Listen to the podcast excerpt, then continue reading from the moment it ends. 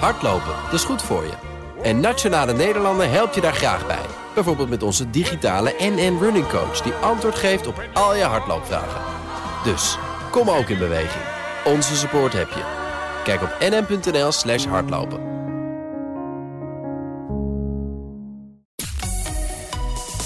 BNR Nieuwsradio.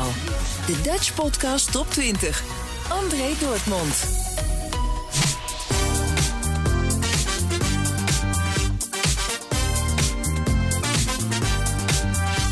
Hey, leuk dat je luistert en dat je deze lijst hebt gevonden. Dit is aflevering 14 van de eerste jaargang.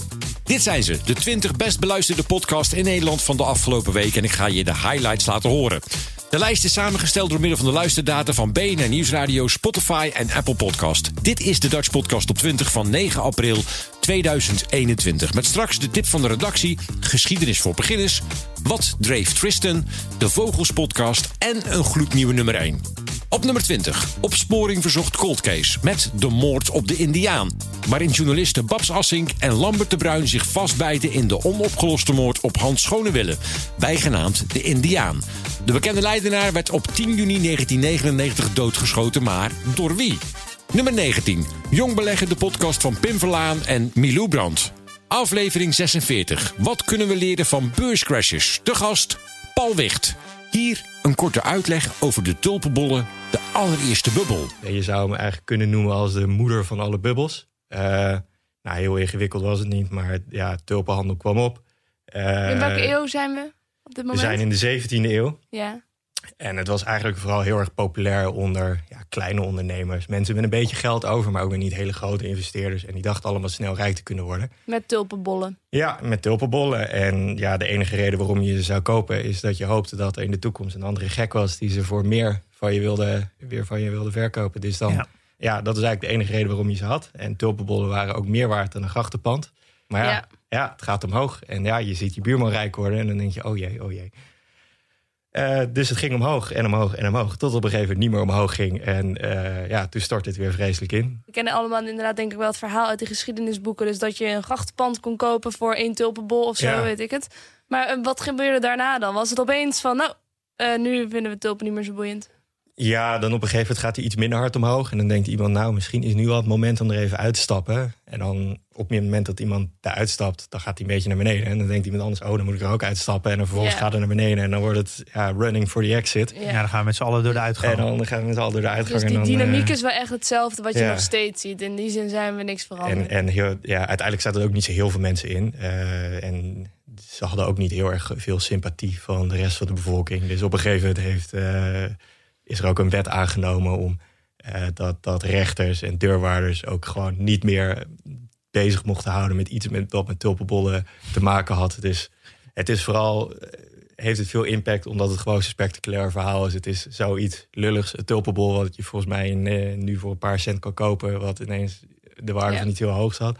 En daarmee staat het eigenlijk symbool voor alle bubbels die opkomen. Er zal nooit een bubbel zijn waarbij iemand niet begint over, over de tulpenmanie. Nummer 19, Jong Beleggen, de podcast van Pim Verlaan en Milou Brandt. Aflevering 46, wat kunnen we leren van beurscrashes?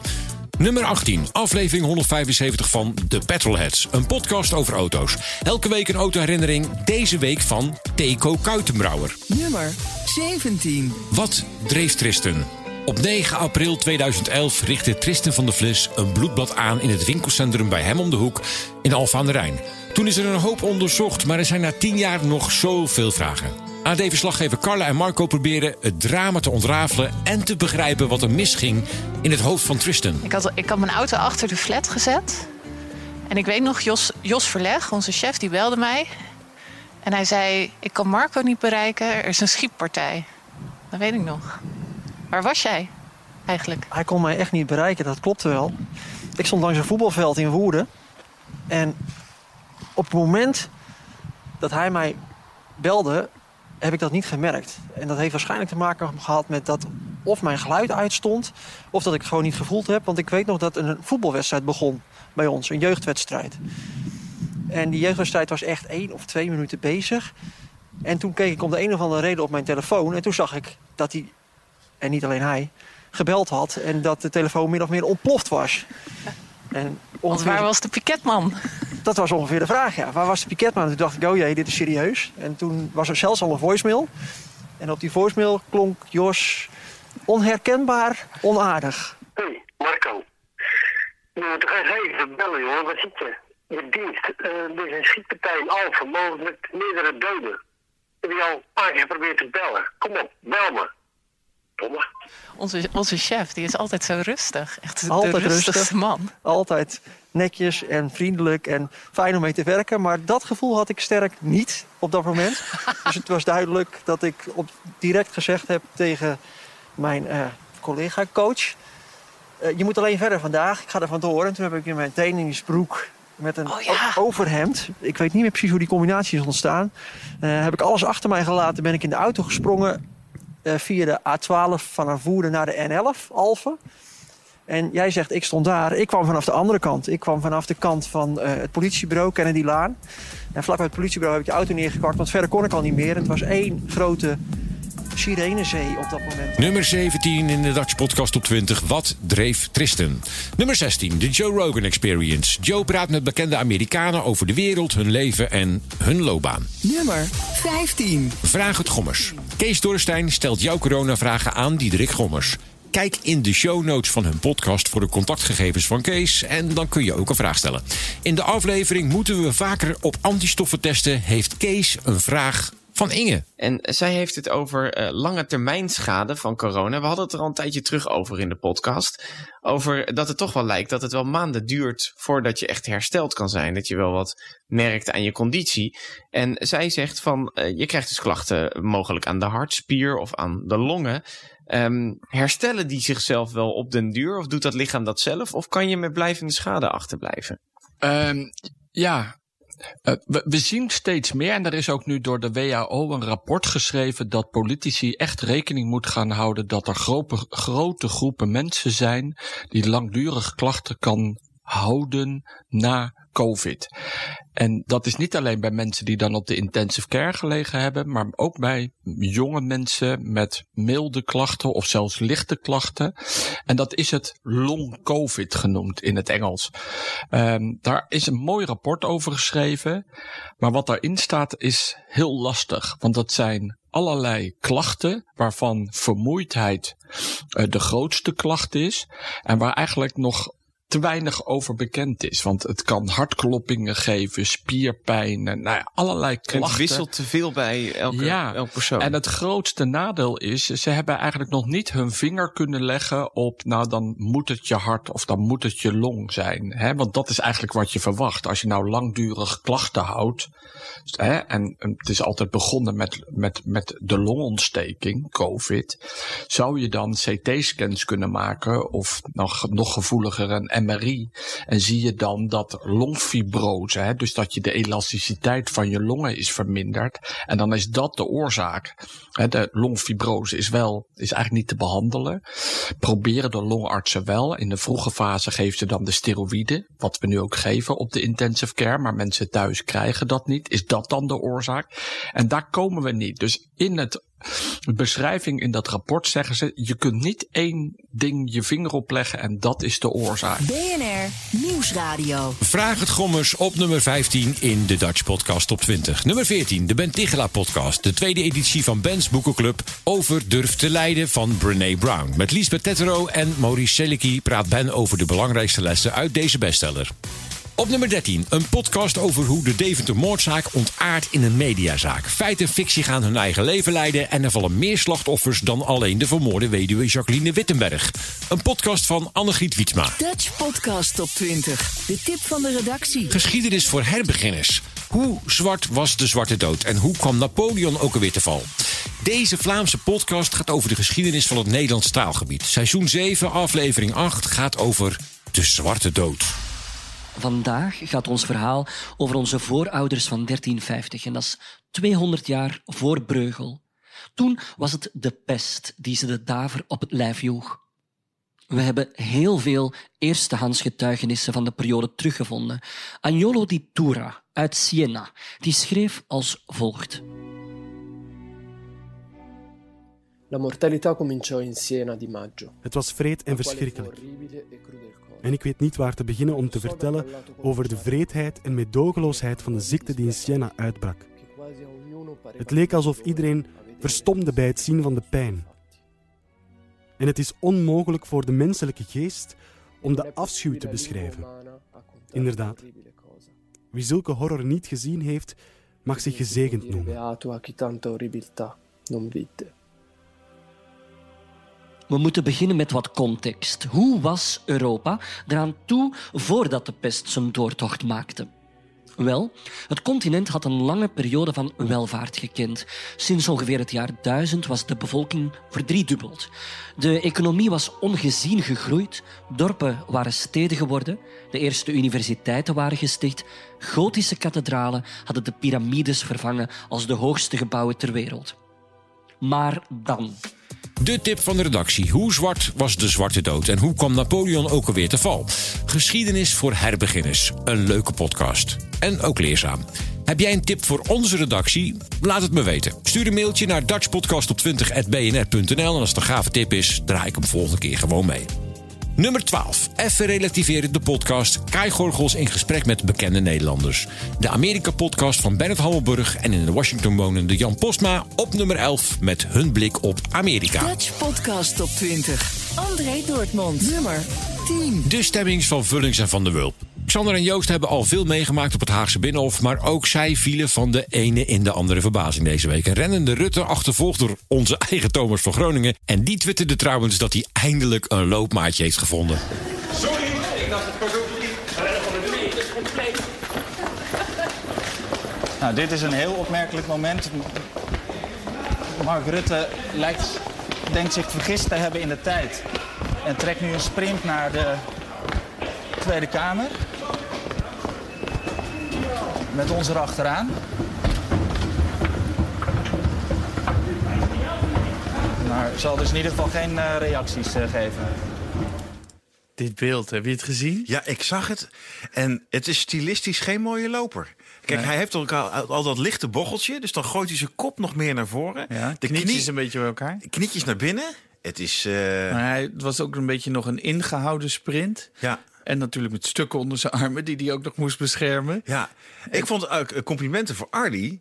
Die, hoor je eh, helemaal niet hijgen. Die heeft een conditie, man. totaal rustig. Ja, knap. Ja, misschien dat hij al een soort halve slaap eh, was. Dat je dan makkelijker eh, rustig blijft praten. Ja, en wat, wat Rutte gisteren de hele dag door heeft gedaan, want dat zat hierachter, is dus dat hey hoi. En dat mensen blijven groeten, enthousiast, alsof het de mooiste zonnige dag van het jaar is. De eerste zonnige dag. Heeft hij het hele, hele dag door gedaan. Ja, dan loopt hij dus met 30 man pers en camera's en zo achter zich aan naar de plenaire zaal. En dan ziet hij jou en dan denkt hij: nee, hey Joost! Ja, nee, want hij, dit fragment zegt hij tegen Dominique van der Heijden... Ha, mevrouw van der Heijden. Ja. Terwijl er echt zijn politieke voortbestaan aan een zijde draadje hangt. En toen hij de eerste keer de roltrap afkwam... toen stond er daar zo'n hele kluwe pers. Coronaregels gingen niet zo goed deze week. En ik stond daarachter met Ron Vrezen... En hij kijkt dus over die massa heen en hij ziet ons... en dan gaat hij zo heel obstinaat zwaaien. Dat is zo Ja, ongemakkelijk. Toch die verbinding zoeken. Hij Ja. was verder best wel eenzaam deze week. Ja. Ik denk dat hij dat dan nodig had. Ja. Nummer 10, de stemming van Vullings en Van de Wulp in de Dutch Podcast op 20. Op nummer 9, de Zels Podcast. Jaap Siewits van Reesema en Sander Schimmelpenning nemen hun leven en de wereld door. Nummer 8, de Technoloog. Herbert Blankenstein en Ben van den Burg praten over technologie en wat dat doet met ons leven. Nummer 7. De Vogels Podcast. Wereldrecordhouder vogelskijker Arjan Dwarshuis gaat wekelijks op vogelsafari met zijn jeugdvriend Gisbert van Balen. Die heeft geen verstand van vogels. Die kan er geen kraai van een extra onderscheiden. In aflevering 1 gaan ze op zoek naar alledaagse en bijzondere vogels. We zijn eh, in het Vondelpark aangekomen. En eh, je hoort nu al onwijs veel vogels om je heen. Ja. Het is voor jou waarschijnlijk een soort cacophonie van geluid. Maar eh, ja, je zult zien, het leuke lekkere van hier is... in plaats van als je in, eh, ergens in een ver eh, buitengebied bent, in de moera- een moeras of zo... dan moet je, zijn vogels schuw, dan moet je lang zoeken. Maar hier in het Vondelpark zijn vogels zijn onwijs gewend aan, eh, aan mensen. Dus daardoor kan je gewoon heel eh, makkelijk eh, kijken. Dus laten we, laten we gaan lopen. Weet je waar het eh, Vondelpark voor mij, de vogel die symbool staat voor Vondelpark, is die, die papegaai, die groene papegaai. Je bedoelt de halsbandpakiet? Eh, ja, denk het wel. Is grappig, want je, er zitten er hier drie meteen. Ja, hier, exact. Dus kijk, als je in die wilg eh, kijkt. We staan nu in het midden van het Vondelpark. eh, vlakbij waar het, eh, het bekende ooievaarsnest zit. En het Picasso-beeld. Dat wist je misschien niet, maar dat is het be- beeld van Picasso. Oké, daar zitten ze. Als je in die wilg kijkt, zie je dus een groen parkiet met een lange staart zitten. Ja. Het dacht is een halsbandparkiet. Dat is een van de twee parkietensoorten die hier voorkomt in het Vondelpark. Dus je hebt ook nog een wat grotere parkiet met een langere staart en een meer papegaaiachtig geluid. En dat is de grote Alexanderparkiet. En de halsbandparkiet die je nu ziet, ehm, is een exoot. Ja. Weet je wat dat is, een exoot? Nou ja, uit een exotisch land. Nou, Ah, een dat hij niet is, hoort. is een vogel of een, een diersoort die ergens voorkomt, maar daar niet op eigen kracht is gekomen. Door de mens is geïntroduceerd. Oké. Dus je moet je voorstellen, je hoort hem nu ook heel hard roepen boven je kop, die Ja. En eh, nou, beschrijf hem maar een beetje. Wat Ja, je, hij is donkergroen, hij heeft een soort van rode hals. je, jij zegt eh, eh, rood in de nek, maar dat is een, een soort roze bandje.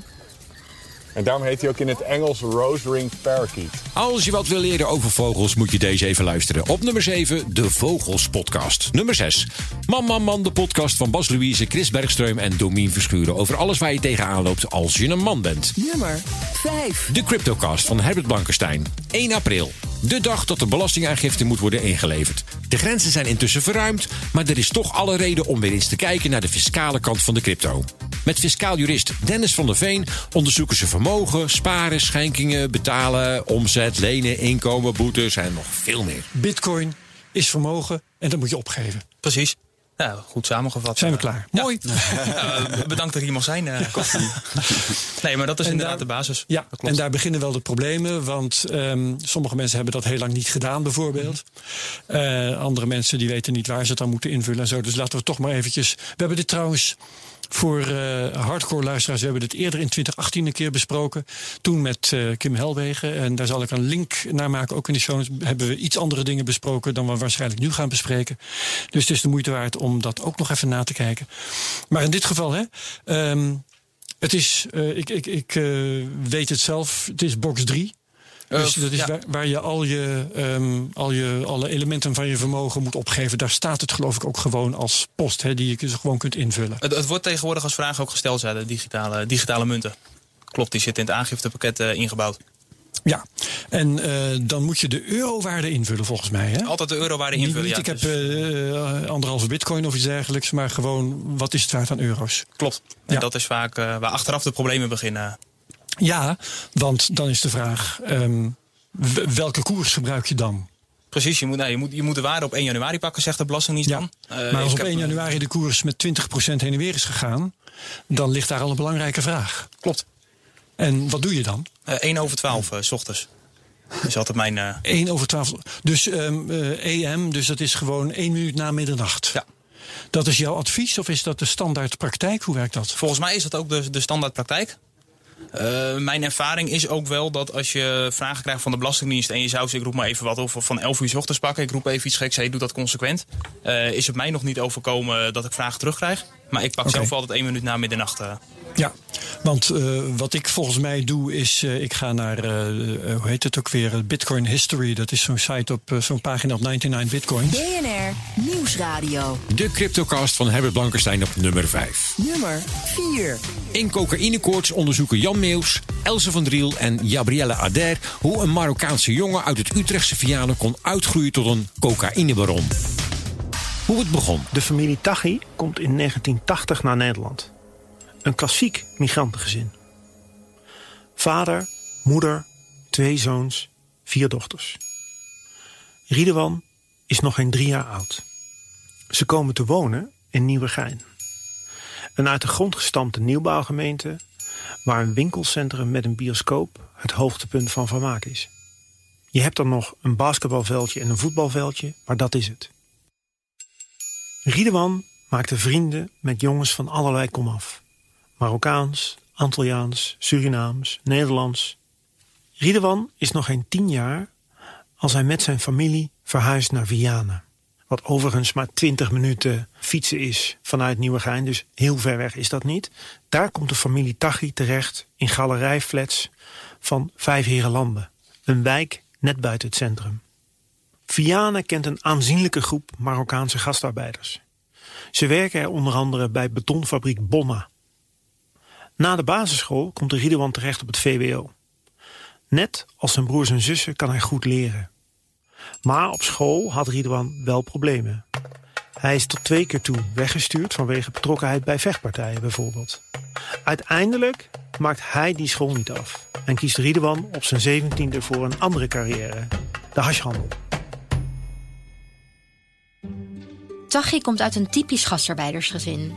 Waar er in de jaren 60, 70 en 80 veel van naar Nederland uit Marokko komen. Nu komen er in de top van de cocaïnemafia in Nederland opvallend veel mannen voor met een Marokkaanse achtergrond. Waar zou dat aan kunnen liggen? Oké. Wat ging het ook weer over? Oh ja, het ging er weer over. Ehm, ik heb het opgedeeld in een paar uh, hoofdstukken waar we het eigenlijk ook over gehad. Nummer 4. Cocaïnekoorts van Jan Meeuws, Else van Driel en Gabrielle Ader. Een podcast over waarom jonge jongens zoals Tachi terechtkomen in de criminaliteit. Nummer 3. NRC Vandaag. Elke werkdag hoor je het verhaal van de dag verteld door de journalisten van het NRC. Op nummer 2. Geuze en Gorgels. Monika Geuze en Kai Gorgels, twee maatjes in één podcast over hun leven en hun vriendschap. Podcast top 20. Nummer 1. Mark-Marie Huibrechts en Aaf Brand Kosjes met Mark-Marie en Aaf vinden iets. Hun mening over wat er in de wereld gebeurt. Kritiek. Door sommigen ook wel feedback of een cadeautje genoemd. Is het goed om een dikke huid te ontwikkelen of juist niet? En hoe zit het bij hunzelf? Ik heb een keer gehad dat diegene mij op ging bellen. Wie? Uh, Duncan Stutterheim. Ik weet niet of je die kent. Oh ja, van, uh, van dat van grote de gebouw. achter- Sensation White uh, en van het enorme Amsterdam gebouw. Maar ze, hij organiseerde die Sensation White feesten, Ja. weet je wel? Badr Hari-achtig. Ehm, ja, pas op wat je zegt, want dan belt hij je dus. Maar, Oh. ehm, eh, Wie? Duncan Stutterheim. Oh, nee, dus- niet Badr nee. Hari. Dat, Nee, nee, dan dat- had ik nee, die belt misschien ook nog nu in een bunker. Maar eh, ik, ik had een stukje geschreven over die Sensation White feesten. En dat was een beetje zo van, ja, iedereen heeft een wit gewaad aan. En nou ja, dat is ook zo, maar... Ja, is ook zo. eh, ehm, en toen ineens ging mijn telefoon. In die tijd nam ik gewoon nog nummers op die ik niet kende. Ja. Ehm, daarna ben ik daarmee opgehouden. En toen was het van, ja, hallo met Duncan Stutterheim. En eh, ja, jij moet maar gewoon even naar zo'n Sensation White feest komen. Want je schrijft er wel allemaal dingen over. Maar je bent er duidelijk nog nooit geweest. Nou, dat was waar. Ja, dat had hij je. Had hij me zeker, maar ik had ook echt helemaal geen zin om naar zo'n feest te gaan. Nee. Nee. Ehm, dus dat was een, dat, toen dacht ik wel van ja, als je er dus zo over schrijft, zo van ho, ho, ho, iedereen heeft witte kleren aan. ehm, dan, dan moet je ook gewoon bereid zijn om met de eigenaar van deze feesten aan de telefoon te hangen en je te verweren. Dus toen heb ik gezegd, nou, eh, oké, ehm, ik heb geen zin om naar dat feest te gaan, maar leuk dat je het aanbiedt. Ja, maar dan moet je er niet over schrijven. Ik zei, ja, maar je mag er ook over schrijven als je er nog nooit bent geweest. Ja, vind ik. alles. Je mag in principe alles. Maar eh, dat- is wel de eh, geest, mindset waarmee ik nu over die dingen schrijf. Als ik die persoon tegenkom of hij belt me zomaar op, moet ik me niet helemaal wegvoelen, smelten in een hoek van: oh god, wat heb ik gedaan? Nee. Dus die kritiek mag best wel hard en stevig zijn, maar ik moet me er niet voor schamen Nee, achteraf. je moet dan wel dapper zijn daarna. Dapper zijn. Ja, je moet een grote bek hebben, maar dan moet je ook gewoon Een grote bek hebben. daarna ook een grote bek Ja. hebben. Ja. dus dat is wel. En is dat de enige keer dat iemand jou ter verantwoording heeft geroepen na een naar stuk? Of is het vaker gebeurd? Het is niet zo vaak gebeurd eigenlijk. Nee. Nee. Nummer 1, Mark-Marie Huibrechts en Aaf Brand Kosjes met Mark-Marie en Aaf vinden iets. Dit was hem dan, jaargang 1, aflevering 14 van de Dutch Podcast op 20. Elke vrijdagavond om half zeven op BNR Nieuwsradio, net na de Friday Move met Wilfred Gené. En een luistertip voor jou is altijd welkom. Welke podcast moet ik nou echt eens gaan beluisteren? En als het een gave tip is, laat ik hem horen aan de rest van Nederland. Stuur hem op naar dutchpodcasttop20.bnr.nl. De lijst in zijn geheel vind je op bnr.nl slash dutchpodcast op 20. En volgende week natuurlijk weer een verse lijst. Hardlopen, dat is goed voor je. En Nationale Nederlanden helpt je daar graag bij. Bijvoorbeeld met onze digitale NN Running Coach... die antwoord geeft op al je hardloopvragen. Dus, kom ook in beweging. Onze support heb je. Kijk op nn.nl slash hardlopen.